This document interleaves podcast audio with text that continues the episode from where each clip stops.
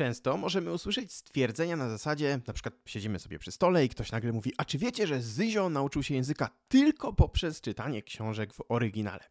I cóż, choć wątpliwym jest, aby takie podejście było najbardziej skuteczne, ponieważ nawet gdyby mogło zadziałać, to lepsze efekty otrzymamy przy połączeniu kilku metod, to wszyscy zdajemy sobie sprawę, że czytanie książek w oryginale rzeczywiście może przynieść wspaniałe wyniki w nauce języków. Dziś z okazji Światowego Dnia Książki opowiem Ci o mojej aktualnej rutynie w nauce języków poprzez czytanie książek w oryginale. Zapraszam!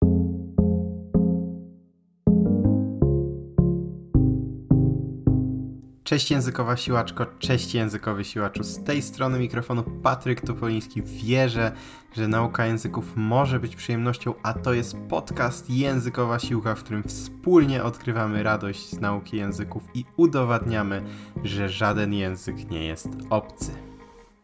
Zacznijmy sobie nasze rozważania od takiego sprecyzowania, kiedy tak naprawdę w zasadzie zaczynam czytać książki e, w nauce, dlatego że książki w oryginale to najwyższy możliwy poziom na tej językowej drabinie. Są to książki stworzone dla native speakerów, którzy znają język od dziecka, więc siłą rzeczy nie mogą być to materiały w żaden sposób dostosowane do nauki języka. To znaczy, ja mogę z nich korzystać do nauki angielskiego, czy hiszpańskiego, czy portugalskiego, czy włoskiego i robię to, ale zdając sobie sprawę, że nie są to materiały przygotowane dla mnie jako dla osoby uczącej się, tylko dla native speakera. I dlatego właśnie korzystam z e, książek w oryginale mniej więcej od poziomu B1. Najwygodniej robić to tak naprawdę od poziomu B1, takiego może wczesnego B2, natomiast raczej nie polecam tego robić na poziomie niższym niż B1, bo wtedy po prostu można e, wpaść w taką pułapkę, że tak dużo czasu spędzamy na tłumaczeniu dosłownie wszystkich słów, że mm, po prostu ten czas marnujemy w perspektywie, gdybyśmy sobie to porównali do nauki poprzez inne metody. No i też po prostu mm, wiąże się to wtedy z bardzo wieloma negatywnymi emocjami. Dlatego osobiście od początku nauki, od poziomu 0, ćwiczę czytanie, ale na wcześniejszych etapach niż poziom B1, kiedy mam już kilka tysięcy najważniejszych słów w głowie, ogarniam e, podstawową gramatykę, no to do tego etapu korzystam po prostu z materiałów uproszczonych, ale materiały uproszczone to nie jest temat dzisiejszego odcinka. O tym rozmawiam więcej, opowiadam więcej, tłumaczę, jak to krok po kroku rzeczywiście wdrażać od pierwszego dnia przez kolejne tygodnie nauki, choćby w moich kursach i e-bookach. No dobra, a jak już czytam, to co w zasadzie czytam? Pod kątem książek w oryginale zadaję sobie takie samo bardzo proste pytanie, jak w przypadku książek, e, które czytam po polsku, czyli czy po prostu ta książka mi się podoba. Czyli w przypadku książek, które czytam w innych językach, pytanie brzmi po prostu, czy przeczytałbym tę samą książkę, gdyby była dostępna w języku polskim. Jeśli tak, i jeśli ta książka jest dostępna również w oryginale, albo jest dostępne jej tłumaczenie na któryś z moich w cudzysłowie języków, to często decyduje się rzeczywiście na lekturę. Więc po prostu dzięki temu, że czytam książki na poziomie B1, to jestem w stanie to robić w bardzo szerokim spektrum tematycznym i dlatego właśnie, podobnie zresztą jak na przykład ze słuchaniem podcastów, też do pewnego etapu warto słuchać podcasty, które są dla osób uczących się języka uproszczone, ale od pewnego etapu warto rzucić się na trochę głębszą wodę i na przykład gdyby ktoś hipotetycznie uczył się języka polskiego, mógłby zacząć e, słuchać podcast Językowa Siłka właśnie mniej więcej od poziomu B1. Wtedy miałoby to największy sens, kiedy już my jesteśmy cokolwiek z kontekstu w stanie zrozumieć. To też daje nam takie pole do tego, żeby po prostu podmienić w jakimś aspekcie naszego życia, w tym wypadku w czytaniu książek, język polski na język, którego się uczymy. W ten sposób nie potrzebujemy żadnej konkretnej dodatkowej puli czasowej na naukę, bo po prostu ten czas, który do tej pory przeznaczałem, e, czy wcześniej przeznaczałem w moim życiu na czytanie książek w języku polskim, teraz przeznaczam na książki po angielsku, bo nawet jeśli, czy, czy po hiszpańsku, czy po portugalsku, czy po niemiecku, e, czy po włosku, bo w kilku językach czytam. Natomiast e, właśnie jeśli nawet jakaś książka jest dostępna po polsku, to zazwyczaj szukam jej e, oryginału. Nie będę ukrywał, że najczęściej rzeczywiście czytam po angielsku, dlatego że po prostu najwięcej książek, które mnie interesują, najwięcej autorów, których, których czytam, których śledzę twórczość, to są autorzy z rynku amerykańskiego, czasem brytyjskiego i siłą rzeczy to są książki po angielsku, choć mm, nie ukrywam, że, mm, że po prostu czasem szukam sobie tłumaczeń. Tak właśnie spoglądam na mojego Kindla i e, jedną z ostatnich ostatnich książek, którą, e, którą mam włączonych jest na przykład Illudidos pelo acaso, a influencja da sorte nos mercados e na vida, czyli jest to książka, która jest w języku portugalskim mm, i tak naprawdę jest to książka, która jest w wytłumaczeniu na portugalski z języka angielskiego. Jest to książka Nasima Nicolasa Taleba i tak naprawdę mm, oznacza coś na zasadzie na zasadzie coś takiego na polski mm, by to było strikowani przez, y, czy też y, hmm, zrobieni w balona przez przypadek, czyli, dobra, to źle zabrzmiało, ale chodziło o to, że przypadek w takim kontekście, że mm, losowość, o, zrobieni w balona przez losowość, czyli y, o wpływie losowości właśnie w życiu i i na rynkach. E, tutaj akurat konkretnie na giełdzie, e, bo też te, ten temat inwestowania giełdy mnie od dłuższego czasu interesuje, więc w związku z tym edukuję się też w tym zakresie. Dlatego na pytanie, co czytam, myślę, że najlepiej będzie, jak podam po prostu kilka przykładów, więc to był taki pierwszy z brzegu. E, ostatnio też odświeżałem sobie jedną z takich najbardziej książek, które wpłynęły na to, jak pracuję, w jaki sposób organizuję sobie pracę, czyli praca głęboka, Deep Work e, autorstwa autora, o którym już wspominałem ostatnio, czyli Kala Newporta, czyli um, Deep Work, ale też e, książka na temat cyfrowego minimalizmu, e, którą też e, jego autorstwa ostatnio sobie czytałem. E, kilka książek Ryana Holiday'a, też jeden z moich ulubionych autorów, który zajmuje się kurczę, można powiedzieć, że troszeczkę mm, filozofią stoicką, ale w takim bardzo praktycznym kontekście, bardzo dużo też psychologicznych rzeczy. A propos psychologów, to jeden z najbardziej um, błędnie wymawianych psychologów wszechczasów, czyli Michali Cik Csikszentmihalyi, jeśli dobrze, dobrze wymawiam, bo po węgiersku nie mówię, ale pamiętam, że zawsze e, jakby droczyłem się z moimi prowadzącymi na, na studiach, że nie no, słuchajcie, jednak wymawiajmy tak, jak powinno być, czyli Michali Csikszentmihalyi,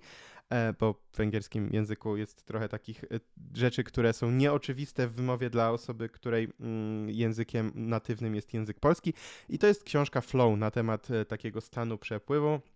czyli na temat e, tego, jak właśnie znaleźć ten stan flow w swoim życiu. E, więc to jest takich kilka przykładów. Mam też książkę na temat e, psychologii związaną z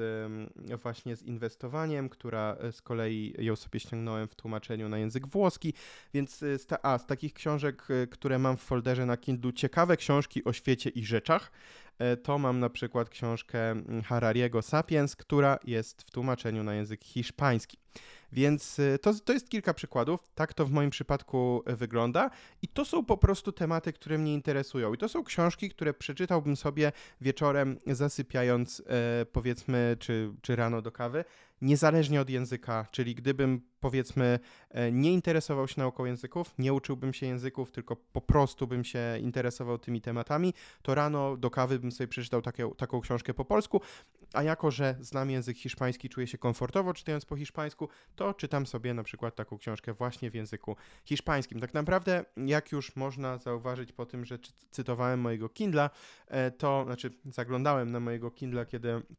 kiedy o tym mówiłem, to od jesieni zeszłego roku rzeczywiście większość książek czytam na Kindle, e, bo e, jesienią właśnie do Tajlandii wziąłem czytnik, kupiłem go sobie przed wyjazdem do Tajlandii, uznałem, że no co jak wcale, do walizki do Azji to nie będę pakował książek, no i e, szczególnie, że lubię dość, dość dużo czytać, więc e, wziąłem Kindla mm, i było mi tak wygodnie, że już teraz rzadko wracam do papierowych książek, co jest ponoć częstym przypadkiem, to znaczy mam, mam niektóre, mam dużo papierowych książek w domu, ale po prostu jak kupuję nowe, to już zazwyczaj e, mimo wszystko w wersji e, czytnikowej. Co robię w zasadzie w trakcie czytania, czyli załóżmy, że na przykład w języku angielskim czyta mi się na tyle komfortowo również w tematyce biznesowej czy psychologicznej, że tak naprawdę tłumaczę wyłącznie pojedyncze słowa, ale są takie języki, nie wiem, nawet w języku portugalskim już trochę więcej potrzebuję tłumaczyć. Co wtedy się dzieje? Otóż e, zacznę od tego, że w Kindle mam wbudowane słowniki.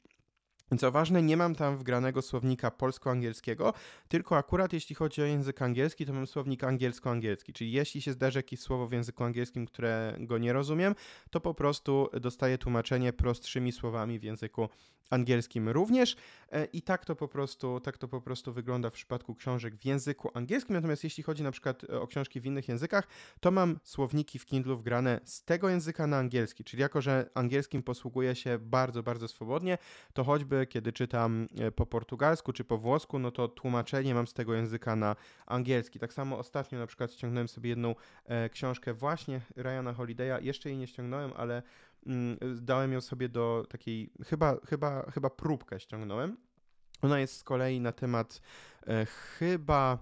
tego, jak e, wdrażać sobie sensowniej rutynę, nawyki, ale od takiej strony bardziej filozoficznej niż psychologicznej, jak na przykład atomowe nawyki albo siła nawyku. Mm, to takie dwa inne tytuły książek, swoją drogą bardzo fajne, polecam. Natomiast e, u, u Ryana Holiday jest to od strony bardziej takiej filozoficznej, trochę takiej bardziej inspirującej na temat tego, jak inni ludzie w historii ludzkości to robili. Mm, I to jest książka, którą sobie ściągnąłem po niemiecku i tam też mam słownik e, niemiecko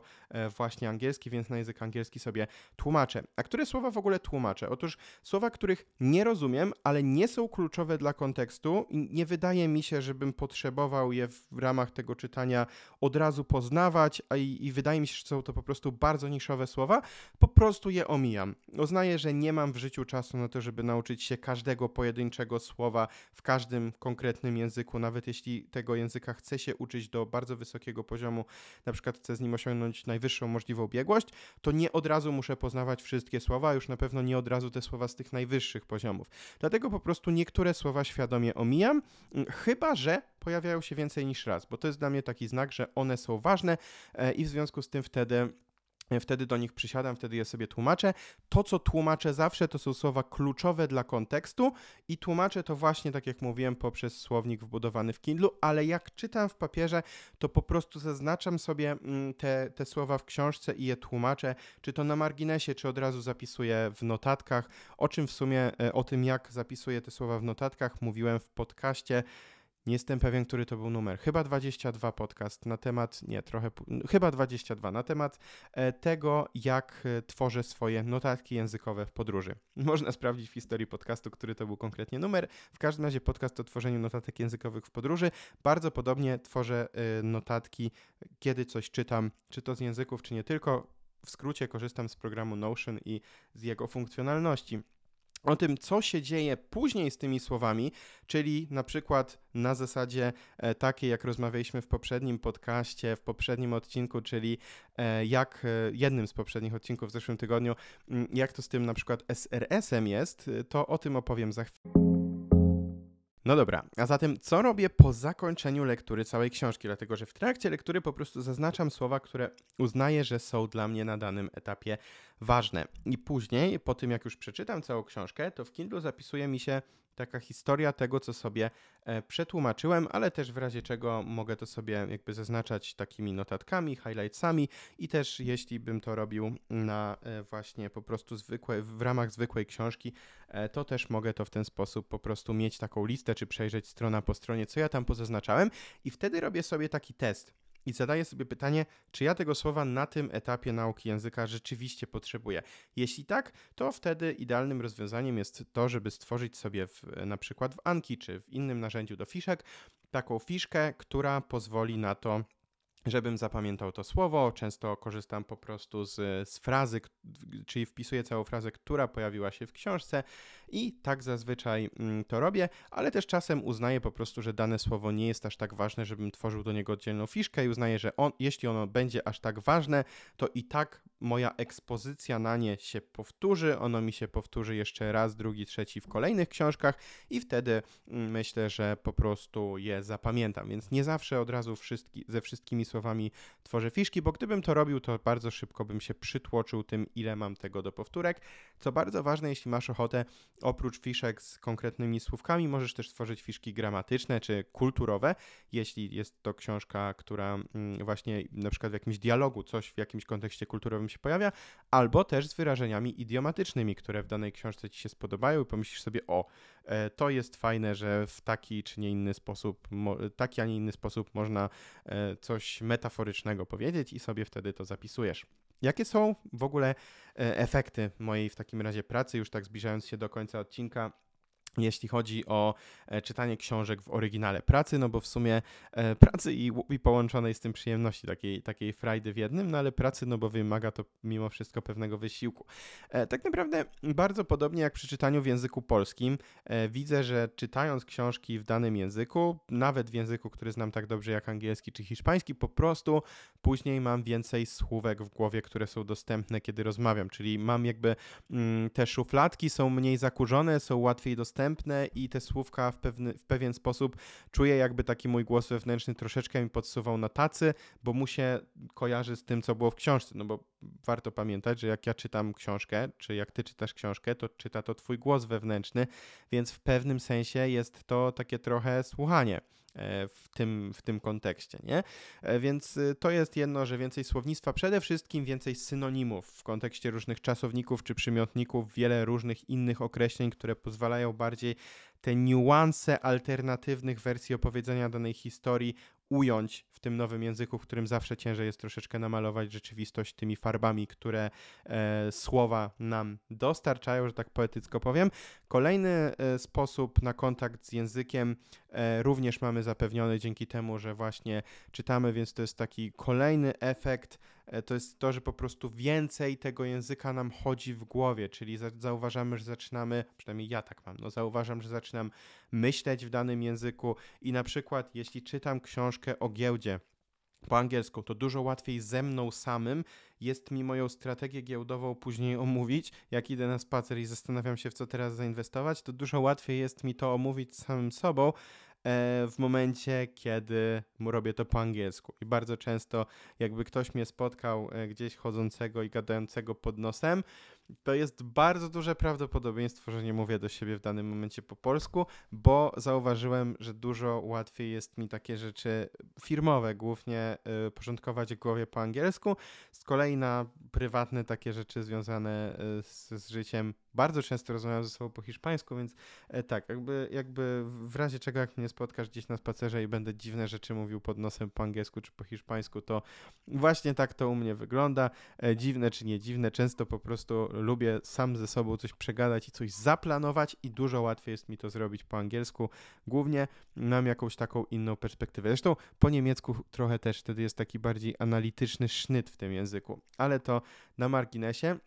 Dlatego, że jeszcze jedna bardzo ważna rzecz w kontekście em, słownictwa w, czyta w czytaniu, w kontekście na przykład do słuchania, to to, że z uwagi na proces redakcyjny w czytaniu, czyli w książkach, o ile na przykład w serialach jest mnóstwo życiowego słownictwa, to w książkach, a przynajmniej takich popularno-naukowych, które ja czytam, gdzie jest mniej dialogów, jak na przykład w kryminałach czy, czy coś, jeśli na przykład wolisz taki typ książek,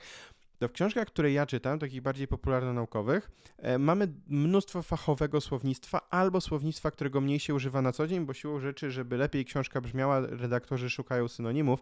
więc e, ja w ten sposób, na przykład z uwagi na czytane książki, poznaję sporo słownictwa biznesowego oraz psychologicznego, których mógłbym nie poznać na przykład oglądając serial który jest z tą dziedziną związany, bo po prostu w serialu te takie bardziej enigmatyczne, wykwintne słowa, że tak to ujmę, pojawiają się po prostu e, siłą rzeczy trochę rzadziej. E, zawsze w mówieniu komunikacja jest w pewien sposób uproszczona, e, tudzież symplifikowana, że gdybym chciał zaprzeczyć samemu sobie i użyłbym takiego e, trudniejszego ekwiwalentu e, w języku mówionym. O proszę, zrobiłem to jeszcze raz, mówiąc ekwiwalentu zamiast zamiennika. Może to efekt czytania książek po polsku. E, kto wie, nie wiem. E, może, może, może jednak oglądania seriali albo słuchania podcastów, a może tak po prostu mi wpadło do głowy. E, podsumowując króciutko ten odcinek, zdecydowanie polecam czytanie książek, ale zdecydowanie polecam czytanie ich w oryginale na wyższych poziomach, czyli od B1 w górę. Mój sposób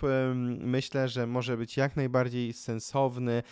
dla, dla większości osób, choć wiem, że są też osoby, które lubią mieć książkę w oryginale, na przykład w dwóch egzemplarzach, wersję z tłumaczeniem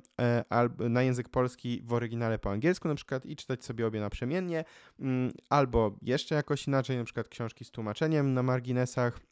Choć tam trzeba uważać, bo one nie, niekoniecznie są do jakby one wszystkie i tak są na poziomie C2 siłą rzeczy, no bo, no bo są to, jest to najwyższy, tak jak mówiłem, schodek tej językowej drabiny.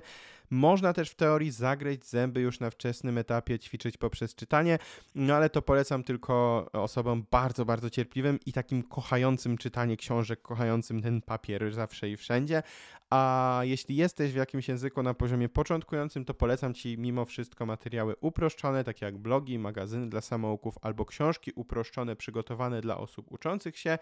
a mniej więcej od poziomu B1 w górę polecam właśnie czytanie książek w oryginale, a cały e, mój taki, e, całą taką moją rutynę masz już e, w dzisiejszym odcinku. Nie musisz oczywiście z niej korzystać jeden do jednego, zawsze polecam, żeby nawet jeśli lubisz moje podcasty, żeby mimo wszystko troszeczkę to zmienić, dostosować do ciebie, no bo jakby masz inne cechy charakteru, osobowości niż ja, więc możesz się chcieć trochę inaczej uczyć, ale myślę, że to jest taka fajna baza, z której można w razie czego skorzystać. Na koniec Zostań ze mną na króciutki kącik językowo-siłkowy, już tak naprawdę zbliżając się do brzegu z dzisiejszym odcinkiem. Jeśli podobają Ci się podcasty językowej siłki, to będę bardzo wdzięczny za zasubskrybowanie tego podcastu na Spotify lub w innej platformie, gdzie tego słuchasz. Możesz też zostawić ocenę tego podcastu. Jest to tak proste, jak kliknięcie prześlij ocenę i zostawienie takiej liczby gwiazdek, jaką uważasz za stosowne w stosunku do wartości, którą z tego podcastu otrzymujesz. Pamiętaj też, że odcinki pojawiają się w każdy poniedziałek, środę i piątek i czekają na Ciebie od 6 rano we wszystkich platformach podcastowych. W poniedziałki, środy mamy takie krótsze rozkminy zazwyczaj, a w piątki e, bardziej takie na weekend odcinki, e, troszkę bardziej e, zagmatwane, troszkę, troszkę szersze tematycznie, choć tak w sumie jak teraz opowiadam o tym dzisiejszym, to, to ta moja rutyna mogłaby spokojnie stać się piątkowym odcinkiem, więc to nie zawsze tak jest, że, że te odcinki są mm, takie poniedziałkowe, środowe, bardzo krótkie, a tematy piątkowe takie długie, e, bo nadal jeszcze się wdrażam w ten system trzech podcastów w tygodniu, to jednak mimo wszystko jest początek tego sezonu, ale myślę, że jesteśmy na dobrej drodze. Najważniejsze, że podcasty regularnie są, tak samo jak regularnie e, pojawiają się kulisy mojej nauki języków i kulisy wszystkiego, co dzieje się w językowej siłce na Instagramie Małpa Językowa Silka, gdzie bardzo serdecznie też Cię zapraszam. Już ponad 55,5 tysiąca osób e, tam sobie regularnie do nas zagląda. Zachęcam Cię też do tego, żeby zna, e, e, odwiedzić stronę podcastu, na przykład na Spotify, gdzie tego słuchasz, sprawdzić poprzednie odcinki, może któryś Cię zainteresuje, może zainteresują Cię też e, artykuły, jeden z prawie 400 poradników nauki kilkudziesięciu językach na portalu językowa siłka, językowasilka.pl, gdzie na przykład materiały typu podcasty do hiszpańskiego albo do francuskiego, albo różne kanały do różnych języków, wszystko tam można znaleźć, bardzo dużo takich poradników tam przygotowujemy.